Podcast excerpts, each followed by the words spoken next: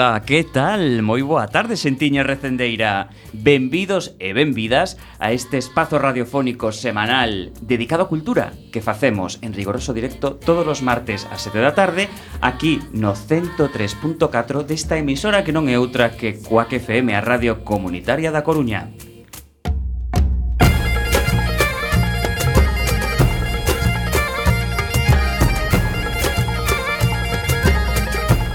A Agrupación Cultural Alexandre Bóveda presenta este programa que podedes escoitar polas ondas radiofónicas ou a través da internet e tamén en directo na páxina da emisora coacfm.org. E se non chegaches a tempo non tes excusa, compañeira. Podes descargar todos os programas xa emitidos tecleando cuacfm.org barra radioco e buscando o noso programa recendo ou escoitalo na redifusión que será os mércores ás 8 da mañá, os venres ás 13 horas e na madrugada o domingo ou luns ás 12 da noite. Ese todavía non estades anotados, a partir de agora seguídenos nas redes sociais, tanto no Facebook como no Twitter, arroba recendofm, onde queremos sempre continuar a formar unha comunidade recendeira. E tamén podedes visitar o Facebook da agrupación en a.c.alexandre.bóveda ou na web www.acalexandrebóveda.gal.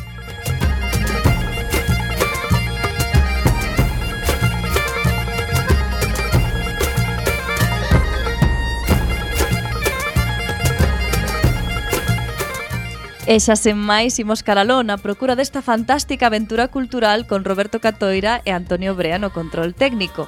E falándolles coa Almanteira, Manu Castiñeira, Javier Pereira e Marta López.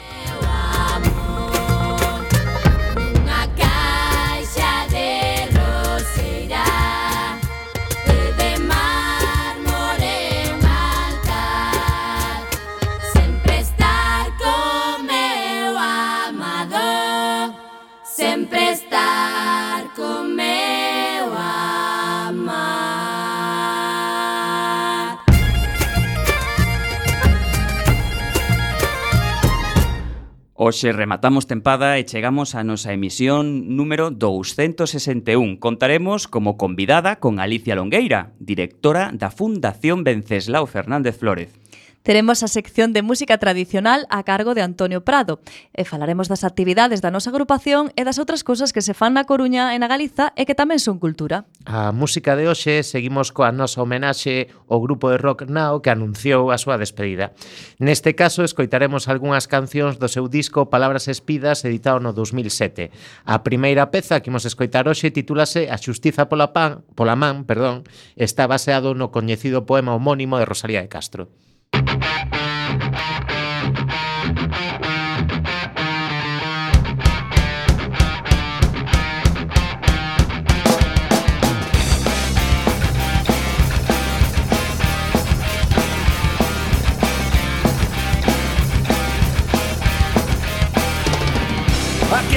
Try my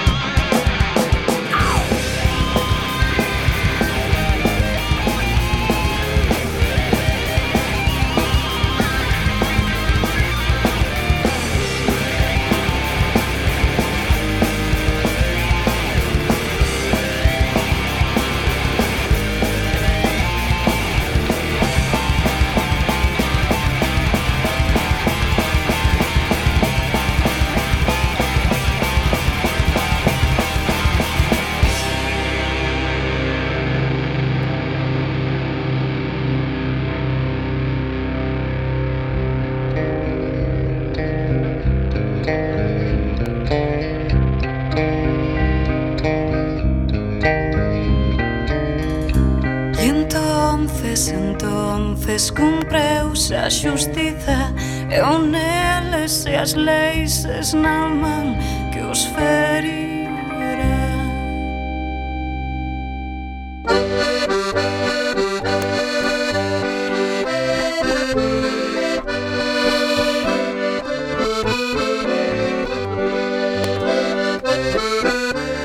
Continuamos en Cuac FM en Recendo e imos coas nosas axendas que tamén e precisamente eh, o fan moi ben, axúdannos a recender aínda mellor. Eh, por que non? Unha exposición fotográfica ata o Benres 30 e relacionado con a campa, o simbólico campo de refuxados instalado nos xardíns de Méndez Núñez, poderá verse no Salón de Actos da nosa agrupación a exposición fotográfica Marcazi, coa que Carolina Santos Noval e Iria Rodríguez queren amosar a situación das familias no campo de refuxados de Obok en Djibouti, na zona do Corno de África. O mércores 28 e xoves 29 terá lugar o terceiro curso de verán Ciencias Sociais, Educación e Sociedade, organizado pola Universidade da Coruña baixo a dirección do profesor Uxío Breogán Dieguez. Nesta súa nova edición, o debandito curso centrarase na memoria histórica e cidadanía democrática. Os nosos socios da agrupación Alexandre Bóveda teñen un desconto e só lles custa 30 euros, non os 50 da matrícula convencional. O xoves 29, Xavier Maceiras presenta o seu último libro titulado Crónicas de Arteixo. Está editado por Embora e na presentación estará acompañado por Beatriz Maceda. Será no noso Salón de Actos ás 20.30 horas. E o mércores, xa 5 de xullo, un recital poético que podía estar feito pola nosa compañeira Gema Millán, pero neste caso é a cargo de Lía Santiso. Será ás 20 horas no Salón de Actos.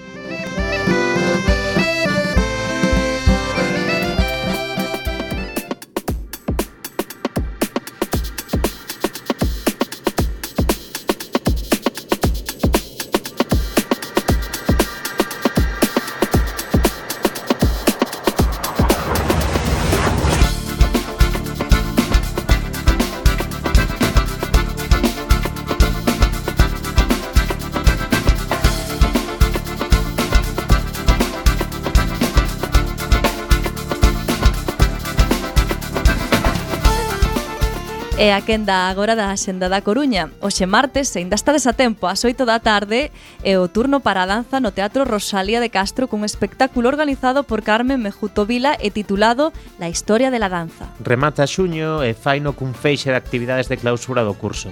Algunhas actividades para mañá mércores 28 son a mostra de manicómicos no Foro Metropolitano co Peque Circo para os máis pequenos que será ás 6 da tarde e para os adultos ás 8 e media. A esa mesma hora, no Centro Ágora, concerto final dos grupos da Casa de Andalucía e no Teatro Rosalía de Castro, ás 8 da tarde, o Festival Fin de Curso da Escola de Danza Druida. Así mesmo, mañá mércores tamén ás 8 cuarto da tarde, o coro da Universidade da Coruña, dirixido por Rupert Twine, e onde podemos admirar a nosa compañeira Marta López, ofrece o seu variado concerto de fin de curso no Paraninfo do Rectorado da Universidade da Coruña. Tamén o mércores estará no Jazz Filloa Pablo San Mamed Trío e o Benres 30 Ismael Cabaleiro Quintec, ambos en sesións de 10 e 11 da noite. A Mardi Gras traenos dende Nova York a Rebel in Dines presentando o seu homónimo primeiro traballo. O mércores 28 ás 9 da noite e o Benres a Mardi abrirá as súas portas a partir das 10 para unha nova actuación da súa banda residente, xa sabedes, Exit. E ata o 30 de agosto o Centro Ágora acollerá Conversas co Ágora, un proxecto do fotógrafo Jacoba Meneiro para chegar ás persoas ao centro cultural, fidelizalas e que o fagan aínda máis seu. Trátase dunha gran instalación no vestíbulo que consta dun bosque de imaxes cos retratos das persoas usuarias.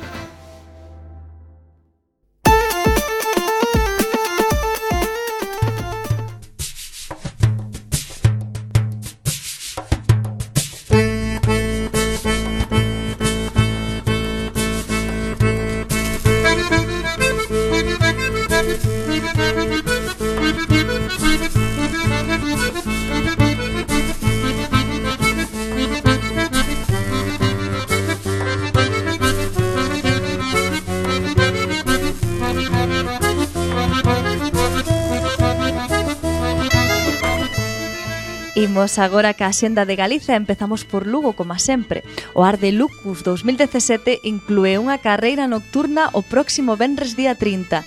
Constará dunha volta á muralla e o camiño irá iluminado por fachos que portarán membros das asociacións participantes. A proba comezará e terminará na Praza de Pío XII ás 22.15 cun máximo de 200 persoas participantes a partir de 16 anos. Imos ata Ourense, as festas de Ourense enchense de concertos nos vindeiros días. Mañá mesmo, ás 9 da noite, na Praza do Ferro estará a psicodelia de Bifana e logo ás 10 media na Praza Maior os lexendarios Burning. Pasado mañá, xoves e cos mesmos horarios e nos mesmos sitios, a banda galega Tractor Boy e o indie folk tamén galego de Casade. E o Benres, Pardo presentará as súas novas cancións na Praza do Ferro e os aclamados dos León Benavente tocarán na Praza Maior para chegar con eles ata medianoite. Desprazámonos agora un pouco máis ata a costa, ata Pontevedra. A segunda edición de Novos Cinemas, Festival Internacional de Cine de Pontevedra, celébrase desde hoxe ata o 2 de xullo. Trátase dun certame con sección oficial competitiva na que poden participar todas aquelas primeiras ou segundas longametraxes de quen realice a obra cinematográfica. O festival é o punto culminante dun proxecto que busca abarcar a exhibición, a difusión, a formación e a divulgación, así como a interacción social e a promoción cultural económica da cidade. Podedes buscar as proxeccións e encontros no teatro principal e noutros espazos da vila. Imos agora a Santiago. Desconcierto General organiza o ciclo de concertos O Fresco terraceando, que pretende aproveitar lugares especiais e con magnetismo propio, raramente empregados para música en directo. Desde os xoves na finca do Espiño e durante o mes de xullo noutros lugares, propostas interesantes e gratuitas sobre as 8 ou as 9 da noite. Pegamos un chimpo ata Vigo, tamén temos que ter un pouco de tempo para ler e chega a Vigo a Feira do Libro que pasará por a Vila Olímpica dende os xoves 29 ata o 8 de xuño. A feira vende Ribeira e despois parará en Ponteareas. Pode visitarse na Praza de Compostela cunha programación de actividades que inclúe presentacións de novidades editoriais. E agora subimos ata chegar a Ferrol. O programa co que a Orquestra Gaos pechará a súa sétima tempada está dedicado á música hispanoamericana. Na primeira tarde, a oboísta ferrolá Iria Folgado interpretará o concerto para oboe, oboe e Pequena Orquestra de Strauss. E na segunda parte danzaremos coa música de Turina e os ritmos sudamericanos de Ginastera. Este concerto vai ser mañá, día 28, ás 20.30 no Auditorio. E hoxe, como vila convidada, temos a Illa de Arousa. Tres días de festival e de actividades para grandes e pequenas agardan por vós no Atlantic Fest entre o 30 de xuño e o 2 de xullo. Un espazo preparado para acoller a almas inquietas, a espíritos libres, a pensadores que borran as barreiras entre público e artistas. Varios espazos, zona de acampada e místicas paraxes para experimentar. Música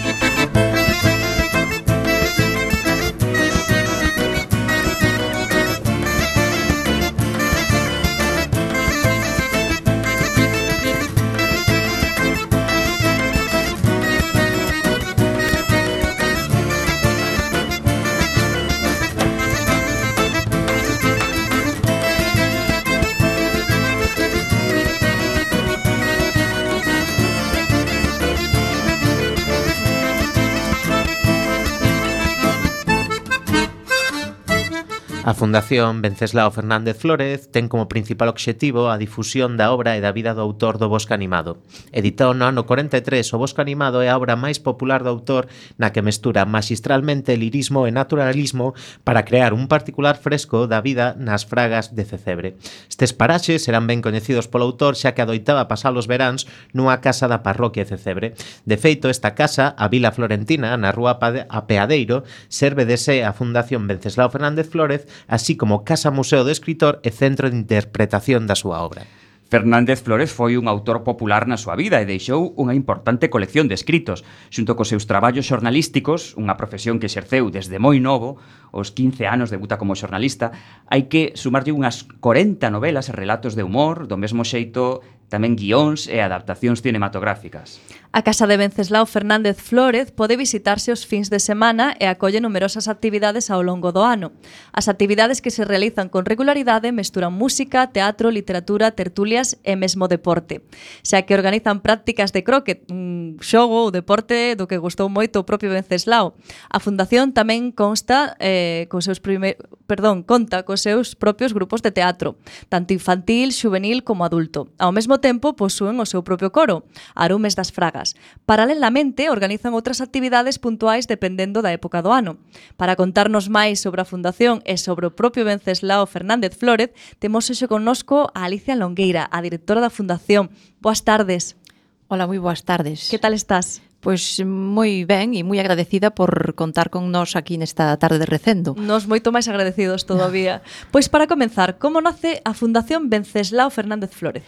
Eh, a Fundación é un proxecto que xurde no ano 1998 a través da, dun veciño dali de Cecebre, que era que é Antonio Montero, e que nun determinado momento pensou tendo aquí este potencial tan importante de Venceslao, un libro que é o bosque animado e un entorno tan acolledor como é o, de, o do entorno de Cecebre, por que non crear e buscar o xeito de dinamizar e de dar a coñecer a figura deste escritor. E este foi un pouco o, o momento en que xurdiu a idea de crear eh, a, a entidade, buscando xente entre distintas personalidades aquí na Coruña, non tendo precisamente, non sendo o sitio onde conseguiu maior eh, a mellor acollida, pois foise para Vigo, onde realmente el vive, e ali pois eh, tomou contacto con xentes como don Xaime Isla Couto, don Abelino Pousantel, o Fernández del Riego, que foron algunhas das personalidades que apadriñaron a fundación E de feito mm, Don Xaime foi presidente da, da institución pois hasta o día da súa morte. Eh, empezou dunha maneira así un pouco afastada da casa porque non era aínda propiedade da Diputación, foi despois xa no ano 2000 mm, cando se comprou a casa e se cedeu á fundación para que tivese ali a súa sede e a partir de aí empezaron a organizarse xa as actividades das que máis ou menos pois antes eh, falabades. Uh -huh. E como chega a familia de, de Fernández Flores a pasar os veráns a Cecebre? Venceslao chega a Cecebre no ano 1913 xa, non a Villa Florentina, porque esta casa que el mandou facer xa nos anos 50, máis si a un lugar moi pertiño dali, que como 200 metros, alugaban unhas habitacións nunha casa particular. Era sumamente habitual que xente procedente da Coruña ou de outros entornos próximos, pois alugase habitacións ou mesmo casas enteiras para pasar unhos meses durante o verán. Era un concepto bastante diferente do veraneo e posiblemente máis sosegado que o que é habitual hoxe en día. Eh, iniciou este contacto no ano 1913 e tan boa foi fructífera esa relación que nesa primeira casa estivo durante 35 anos indo a pasar o seu tempo de verán. Igual a nai e as irmás ían máis cedo, marchaban máis tarde e Venceslao estaba máis circunscrito o tempo que lle permitía pois, eh, en fin, o seu traballo. Uh -huh. E cal, é, mm, cal era o estado da casa familiar antes de se converter en casa museo? Esta casa onde estamos nos agora, a Villa Florentina, mandou na facer el. Sí. Entón é algo mm, recente que, que, que, que el estrenou. Non tuvo moitísimo tempo para disfrutala porque el morreu xa no ano 64. Entón, pois bueno, foi por receber a este espacio durante os seus últimos anos. Nesa outra casa onde el empezou a veranear no ano 13, pois era unha casa de, la, de xente labradora. Basicamente, todo o entorno no que se desenvolvían os veraneantes que iban ali era ese, o entorno agrícola e gandeiro e, por tanto, de alguna maneira tamén se habilitaban ou se habituaban un pouco a ese xeito de vida eh, eh, unha familia humilde, en definitiva, que os acollía como moitísimas outras, pero xa digo, coa que chegaron a ter unha moi boa relación. Mm, e hai familiares directos do autor que pasen pola casa con frecuencia?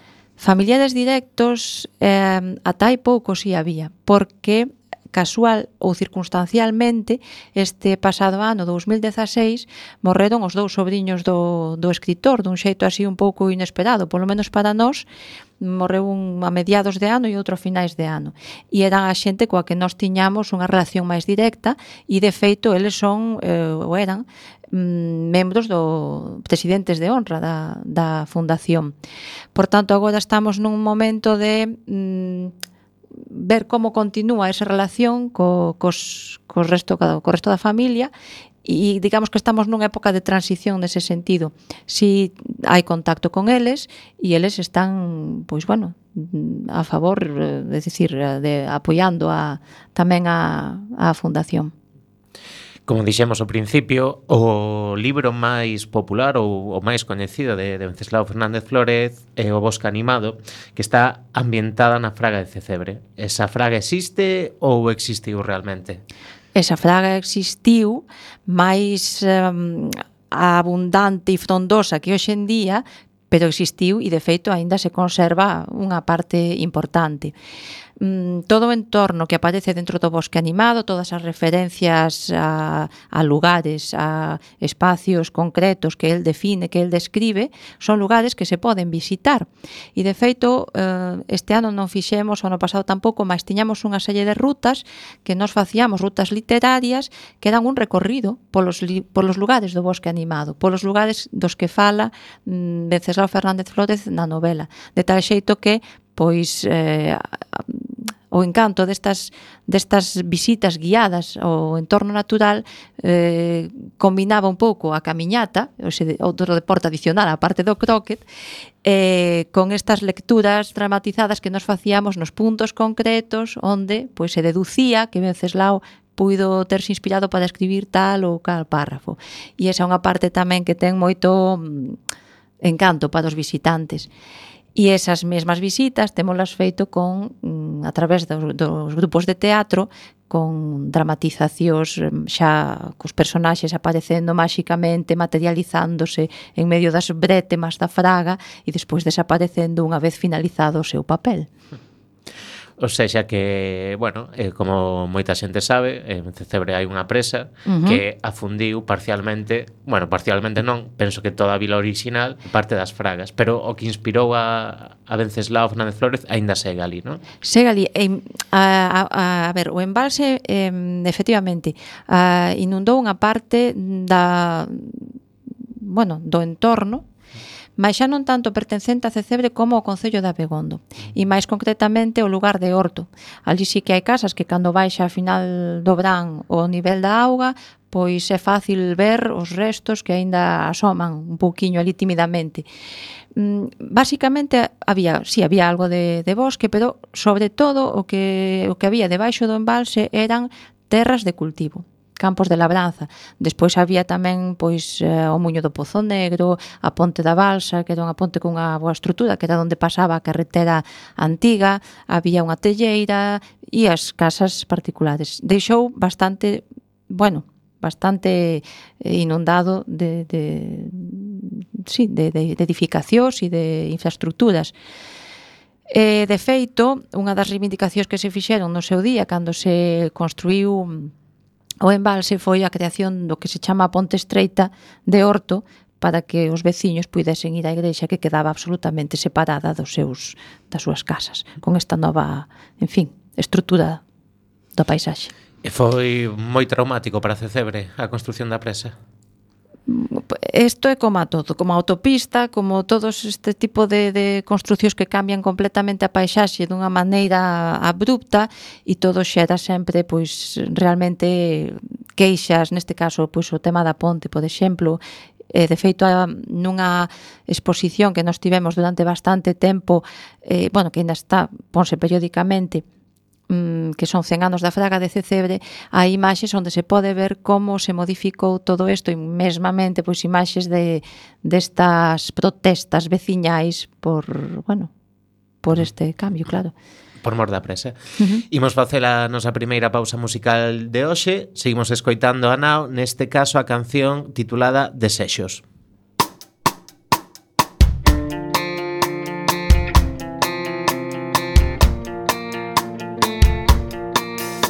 desexos Entre esperanzas, entre meses, desexos venga a vida a pasar vos desexo Que non me colguen por favor do pelexo E pelexo contra min e contra o resto.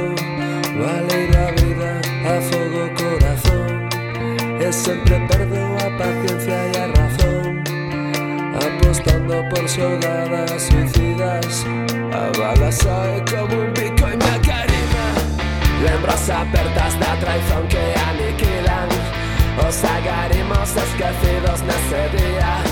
Que nos miramos a tua vista torcías.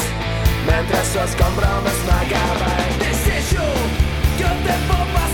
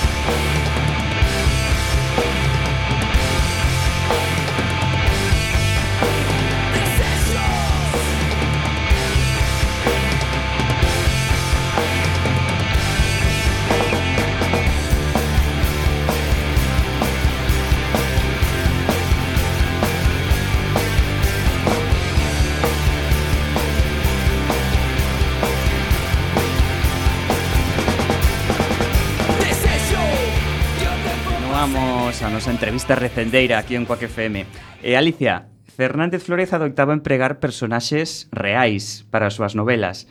Entón, eh, en Cecebre aínda hai lembranza de algún deses personaxes que, que poboaron a, a obra, sexa o Bosque Animado ou, ou outras?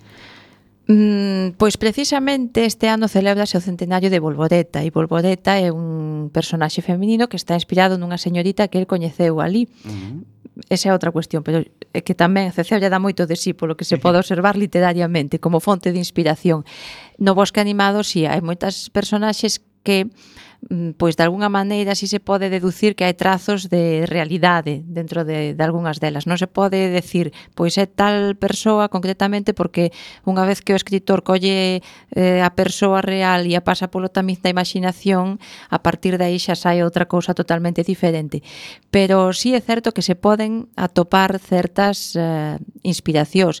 Hai un personaxe moi popular que ademais o cine contribuiu tamén a a facer popular que é Marica da Fame, sí. ben, a muller que lle lugaba as habitacións nos seus inicios chamábase Marica, a costa que sube que está pegada á Villa Florentina e a costa da fame, entón de alguna maneira aínda que ese personaxe Marica da fame non teña nada que ver con esta muller, sí que aí se ve perfectamente como el combina os elementos que lle dá o, o territorio, o espacio. E o mesmo acontece de alguma maneira pois ca moucha de Armental, posiblemente si haxa a familia da Moucha, que o mellor non se dedicaba exactamente como personaxe literario, o tolo de vos, pois habería por, por vos algún tolo, seguramente sí. O que si non temos documentado é un bandido na fraga, e iso daríanos moitísimo un caché. Que interesante. sí, sí, pero bueno. aínda non está documentado. Algún un fen de testas. Algún voluntario podemos pedir agora por Non é por difícil, antena. non no, creo que sea difícil no. atopar. Bueno, non sei se, se vivir nas fragas será do gusto de todo o mundo, pero bueno, se hai alguén que quera ir a facer de fen de testas. Sí, a, a zona das covas, que onde, onde el di que vivía fen de testas nunha cova, sí, está dentro do entorno da fraga que aínda se conserva pola parte de arriba do apeadeiro. É decir, que tanto as ambientacións, como decía antes, como moitas das personaxes, si é certo que teñen eh, trazos eh, collidos da, de xente que realmente existiu. O cando se esmorís, pois, bueno, eu levo o apellido Moris, non sei se por aí, creo que hai ao mellor tamén algunha en fin, non é que presento o can como moi ben alimentado, non sei se debo decir isto así pero, en fin, aí está tamén outra pista. Eh, resulta posible visitar a casa? Sí, a casa pódese visitar todos os fins de semana, uh -huh. polas mañás, polas tardes, de 12 a 2 e de 5 a 8.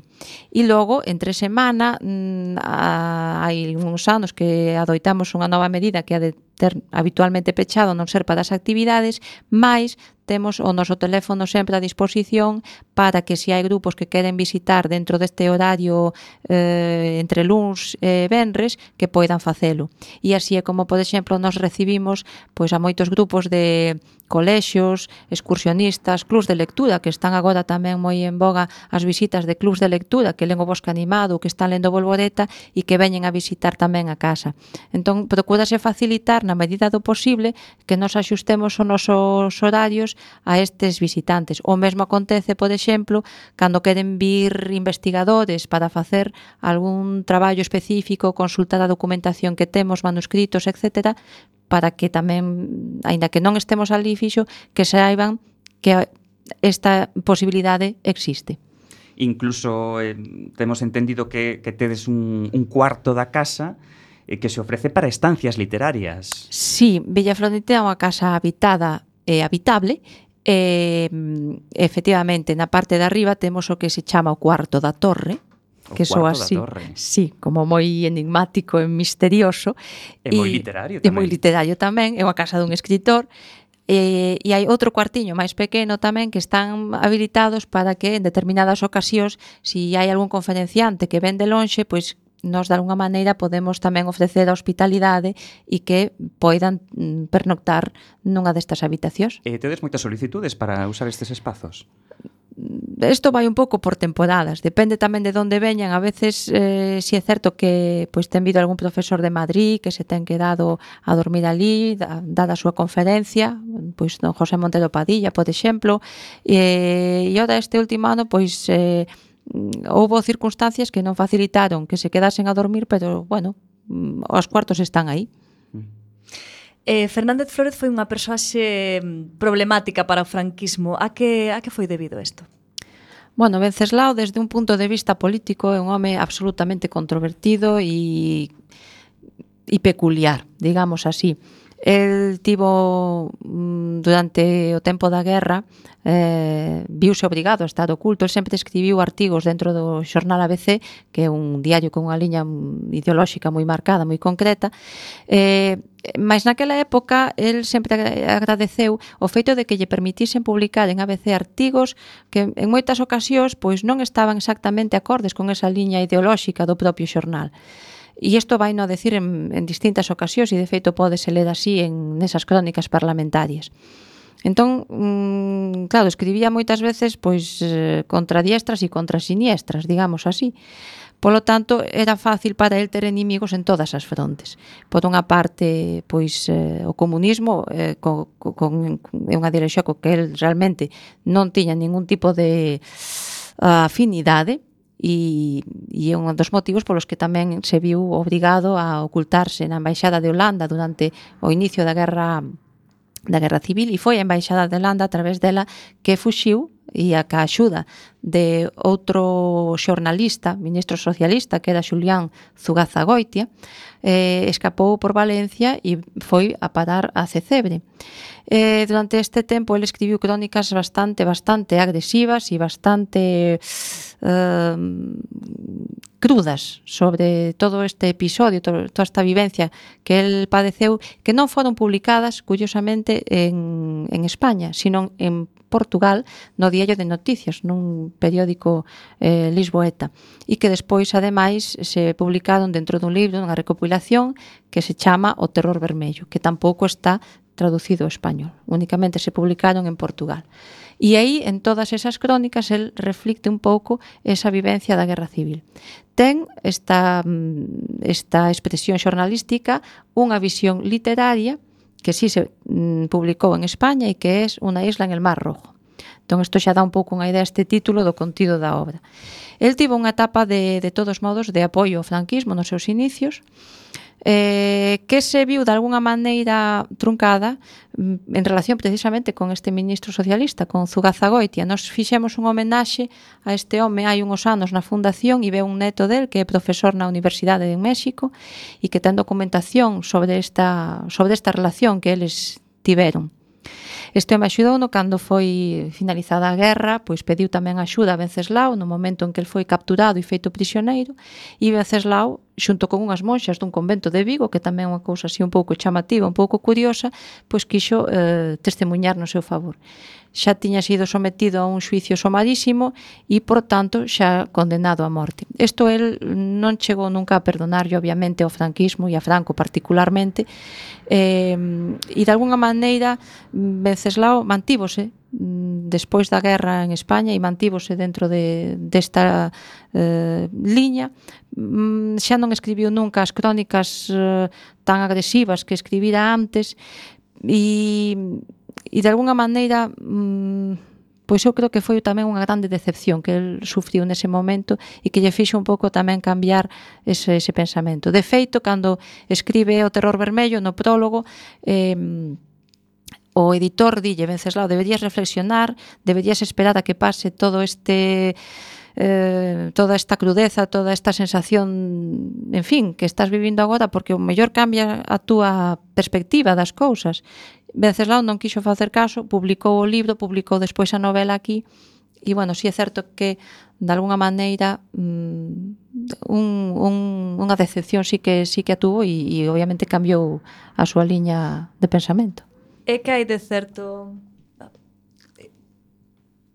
que hai de certo entre a amizade de, de, da familia Franco e da familia eh... de, de, entre Franco e, e a familia Fernández Flores mmm, nós non temos ningún tipo de documentación. Obviamente si se coñecían de feito o pai de Venceslao era de Esmelle que está eh, en Ferrol e posiblemente as súas familias se coñecesen. Mm, o que acontece que nos seus eh, bueno, cando Venceslao está na Coruña, marcha despois para Madrid, el fai a súa vida e despois é cando xa empeza a verse máis metido na vida como cronista parlamentario, na vida política, pois posiblemente cando ten contacto con máis máis estreitos e acaso con con Franco. Nos documentación específica relativa a ao coñecemento que eles puidesen ter anterior non temos na, na fundación. Imos dar paso á sección de música tradicional a cargo de Antonio Prado.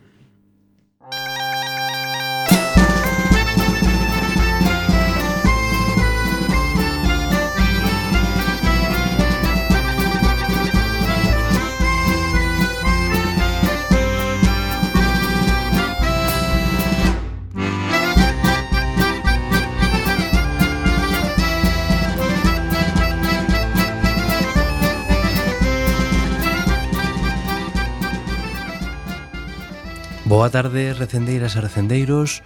Remata a tempada do programa e facémolo tamén a ritmo de música tradicional. Hoxe desplazámonos á comarca de Ordes, imos cara ao Concello de Tordoia, a parroquia da Pontraja. De ali son as bouba pandereteiras, son cinco rapazas novas que consiguen transmitir o que cantaban as súas veciñas, as súas aboas e leválo o día de hoxe. Sacaron hai uns meses un fantástico disco que se chama Vinculeiras, que é unha grande escolma de pezas tradicionais galegas. Hai nas da súa parroquia, pero tamén doutros puntos destacados na música tradicional galega como Jarjamala, Sequeiros ou Cambre. Imos coitar un fragmento que abre o disco onde as súas veciñas falan de como son elas. Veñen aí, velas aí, ven. Ven. Ven chajando. Anichar. Anichar. Sabes unha cousa, como sí, parece? Dime. Que esas rapazas son moi festeiras. Arboubas esas. Sí, sí. moi corredoras, sí. corren, corren, sí. corren con turno. A mí tamén me parece. Con Conócenas en medio con turno, porque corren moito. É como non van. Arboubas son moi conocidas. Son, oh, moi conocidas de Dios. É sí, é agora que van con nosos trajes. Ui, ah, agora menudo arbouba. Xa me dirás. Madre mía. Vamos conocer moito máis. Moito máis, oh. Logo disto, queda claro que festa non ha de faltar con elas. Son Carme da Pontraja, Olga de Che, María da Pontraja, Raquel de Ríos e Maca do Piñeiro. Fixeron un fermosísimo disco con deseño de Dani Xove e grabado, mesturado e masterizado por un dos grandes enxeñeiros de son galegos como é Pablo Barreiro no Estudio 5 da Radio Galega. Imos escoitar a primeira peza do disco a Pontraja, seleccionando o Cantar e a Moiñeira, para ter unha mostra da festa que arman estas rapazas, lembramos Bouba, que presentaron o seu disco Vinculeiras. Unha aperta grande e desfrutar do verán.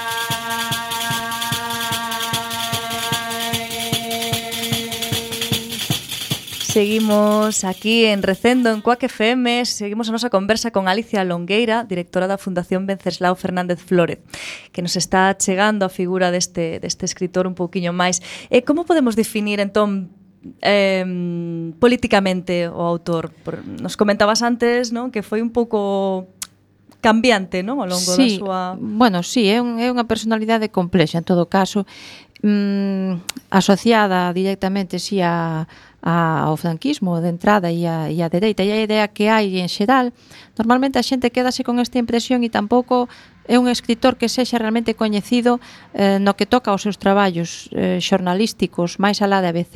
E antes de ABC hai unha vida periodística intensísima, fundamentalmente eh, traballando para el Noroeste, un xornal coruñés no que empezou a traballar en 1911 e hasta 1917. Mm, el marchou para Madrid no ano 14, mais non deixou de colaborar aínda desde Madrid con este con este periódico coruñés.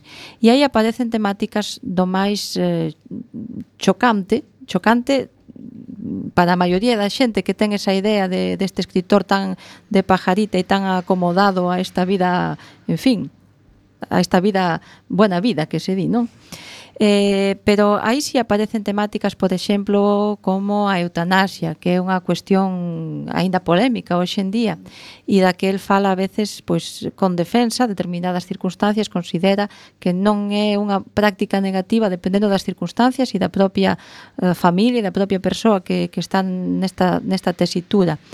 Aí fala tamén de cuestións como a, como a violencia de xénero que tan lamentablemente está presente tamén nos medios de comunicación, pois prácticamente todos os días. E el que era un gran defensor do divorcio na, naquel tempo preguntábase isto, porque esta sociedade na que vivimos se espanta e, e, e, e se leva as mans á cabeza cando se fala de aprobar unha lei do divorcio e, sin embargo, consinte e ve con vos ollos que un home saca unha pistola e mate a súa muller, cando unha padella, decía, argumentaba el, non ten por que estar levándose ben toda a vida e é moi fácil que xurdan discrepancias e que nun determinado momento poidan separarse. Entón, por que non favorecer esta circunstancia en vez de consentir ou, de alguna maneira, socialmente tamén consentir este tipo de violencia? eh, fala destas cuestións, fala en algún momento tamén, por exemplo, do aborto e, e e fala do aborto eh, como unha medida en determinadas circunstancias favorable para a muller. E isto simplifico ademais despois máis tarde nunha novela que se chama Las aventuras del caballero Rogelio de Amaral donde unha muller é violentada por bueno, por un home e eh, a familia pois eh, ve con moi malos ollos eh, que, que que aborte, pero ao mesmo tempo tampouco ve con vos ollos eh, que teño fillo. E, e isto crea un conflicto nesta muller e ao final morre fillo, morre a nai porque non se porque o médico que, que a vai atender se nega a auxiliala da maneira que naquel, bueno, que para o caso considerarían axeitada. En fin, é un escritor eh, moi descoñecido porque todas estas cousas moitas veces quedan veladas por esa primeira imaxe que hai del como escritor destes últimos anos eh, pois eso, pencellado e acomodado quizáis eh, na, no tempo que se viviu o franquismo. Imos tentar descubrir un pouco máis da obra de Venceslao Fernández Flórez.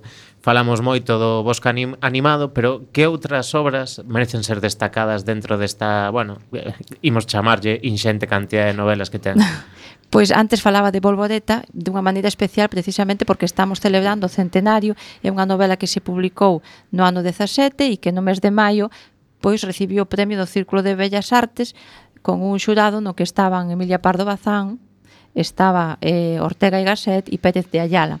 É unha novela das súas, dos seus primeiros traballos recoñecidos a nivel nacional, é unha historia lírica e un pouco costumbrista, tamén un pouco eh, bueno, donde aparece a paisaxe está sumamente presente, Pero a parte de Volvoreta, a parte do Bosque Animado, que son as dúas obras que actualmente se reeditan de, de, de Venceslao, Pois ten unha triloxía que está composta por El secreto de Barba Azul, Las siete columnas e o relato inmoral, e donde aí hai unha crítica irónica e humorística de prácticamente todos os estamentos da cuestión da modalidade da, da, da honra da muller eh, e precisamente do que falábamos hai un momento eh, aí aparece unha crítica tamén á monarquía ao exército non hai títere que quede aí con cabeza e un dos personaxes, por exemplo, de del secreto de Barba Azul que mm, hai moitísimos pintoresquísimos, pero un deles, por exemplo, é o xeneral Micri, un xeneral experto en retiradas, tan experto en retiradas que se retira tanto, tanto, tanto que dá a volta ao mundo e pilla o enemigo polas costas. Entón,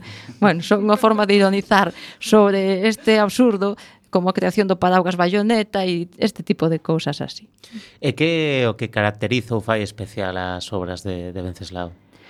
Tal vez o seu humor O, precisamente cando lo ingresa na Real Academia Española no ano 45 o seu discurso versa sobre o humor na literatura española e cita a Unamuno que decía que realmente España máis que o país do bon humor é o país do malhumorismo máis que o país do humorismo e a súa, unha das súas características fundamentais tanto en prensa como literatura é, é o, o seu humor. El define o humor como unha expresión que aparece nun pobo nunha persoa, non nun pobo novo, nun, sino cando xa se leva moito tempo sufrido, cando xa se leva moito tempo vivido e a única resposta que queda ante ante as desgracias que aún lle van vindo máis ou menos pois é a resposta do humor, que define como moi simplemente como unha posición ante a vida pero a parte de un componente importante do humor é a tenruda, e se aí non hai tenruda non hai humor.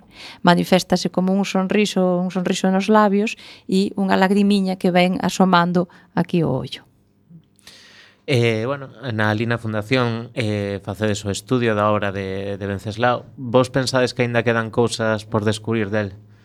Eh, bueno, penso que aunque... Sí, sí, rotundamente, creo que sí, porque eu, por exemplo, fixen o meu traballo de tese sobre a súa primeira etapa xornalística, únicamente xornalística e tentando relacionala de alguna maneira co literatura, vida e xornalismo. E hai todo un cruce como unha trenza que se vai tecendo eh, e é de alguna maneira inseparable estas tres vertentes súas, vida, xornalismo, literatura. E eu, pois basicamente traballei hasta o ano 17 as crónicas parlamentarias están quizáis son o máis coñecido e o bosque animado, pero eh, desde a perspectiva do cine tamén se están facendo moitos traballos e o presidente actual, eh, José Luis Castro de Paz, é precisamente experto en materia de cine e Héctor Paz, secretario, están máis vencellados con, con esta outra faceta de Venceslao, que tamén é moi descoñecida e, por tanto, aí aínda hai tamén moitísimo que, que profundizar se si se quere. Hai outro vencello moi importante de Fernández Flórez, Cocine. Sí. Eh, entón queremos te preguntar nestes últimos minutos como chega o mundo do cine e, e que era o que lle apaixonaba deste medio? Pois Venceslao chega ao mundo do cine cando o cine chega a Coruña. Mm. Nas primeiras proxeccións e aparecen en el noroeste precisamente comentarios onde fala de como eran esas sesións cinematográficas e, e sempre foi un gran apaixoado do cine, non así do teatro curiosamente, e iso que na fundación temos moita actividade teatral, pero realmente el cautivolle o, o mundo cinematográfico. Chegou a aparecer como figurante nunha película, creo recordar que no ano 26 queda la marca Sada, e despois eh, eh, pois de alguna maneira ligouse ao mundo do cine de, de, de xeito inseparable, non só porque eh, se adaptasen ás súas propias novelas e se versionasen, senón facendo guións orixinais, eh, bases argumentais, en fin, que, que esa, esa relación co mundo do cine, co, ca maxia do mundo do cine, estivo moi presente sempre na, vamos, na súa mente. E hai algunha película que nos poida recomendar para, para coñecer pois, eh, pois hai... esta parte do seu labor creativo? hai, hai prácticamente a metade das súas eh, novelas foron levadas ao cine. Unha delas, quizáis a máis coñecida, deixando a marxe o bosque animado, que xa é máis, en fin, actual, El malvado carabel é unha das, das películas que, que tivo ademais dúas cando menos dúas versións, unha antes da guerra e outra despois, dirixida por Fernando Fernán Gómez, e despois obviamente para, para aquí, para os coruñeses, creo que xa todos ou casi todos a deberon de ver que é Camarote de Lujo, que está inspirada en Huella de Luz, que é un texto do ano 1915 e onde aparece a cidade bella e, e, e o porto, en fin, en, en todas as súas dimensións. Eh, sei que chegou a criticar a política cinematográfica do franquismo. Eh, saberías dicirnos por qué? Mm, esta é a materia que, que ten máis en mente José Luis e que podería darvos moitísima máis información. Eh, venceslao, en todo caso, foi controvertido en todos os campos. E Alicia, xa para rematar, mm, porque o tempo pois é o tempo, cales son os plans de futuro da Fundación para este verán? Para este verán está claro que é Volvodeta, o centenario de Volvodeta, e, e ahora mismo pois hai unha revista digital a través da páxina web que se, que se porá xa a disposición en, en breve que leva o nome de Volvoreta un pouco casualmente, pero aproveitamos xa para, para facer todo xunto, haberá unha serie de conferencias, temos aí en marcha un guión, unha adaptación teatral tamén da novela, e, e vamos, é o ano, indiscutiblemente o ano Volvoreta. Pois moitísimas gracias pola túa conversación, por acercarnos máis esa figura de Venceslaoz. Eh, eh, perdón. resulta, imagino, doado atoparvos ah, eh, sí, sí, ah, perdón. por internet. Sí, nós temos unha unha páxina web, estamos tamén en Facebook e, e, e vamos, para o que queira acercarse a nós. O sea, que se queremos buscarvos, que poñemos? Pois isto é eh, fundacionveceslauff.com e a través de, de aí pois xa se accede á páxina web e se non xa digo a través de Facebook Fundación Venceslao Fernández Flórez con todas as letras. Pois agora sí, agora xa podedes localizalo facilmente. Moitísimas gracias. Gracias a vos. E sen tempo para máis odiseas, como nos pasa habitualmente, imos chegando a fin do camiño deste recendo de hoxe. Despedimos esta emisión agradecendo a nosa convidada, como sempre, de honra Alicia Longueira da Fundación Venceslao Fernández Flores. Tamén contamos coa sección de música tradicional a cargo do noso compañeiro Antonio Prado. E agradecendo a semente pedra angular de todo o noso comando e equipo de producción formado por Javier Pereira, Antonio Brea, Manu Castiñeira e Roberto Catoira. E aquí estivemos Roberto Catoira e Antonio Brea nos controis e cual en todo o micrófono Manu Castiñeira, Javier Pereira... Sen esquecer a Marta López. Deixaronse acompañándote en este recendo de palabras e imaxes radiofónicas que nos trae este aroma cantado na nosa lingua e que nos permite hoxe e tamén no futuro a permanencia da palabra, da música e da implicación e o compromiso coa nosa nación a Galiza. Non nos veremos o próximo martes porque recendo chega o fin desta tempada, así que sentímolo moito, pero volveremos por aquí, por estas ondas de Quack FM, a principios de outubro, se non me confundo, non?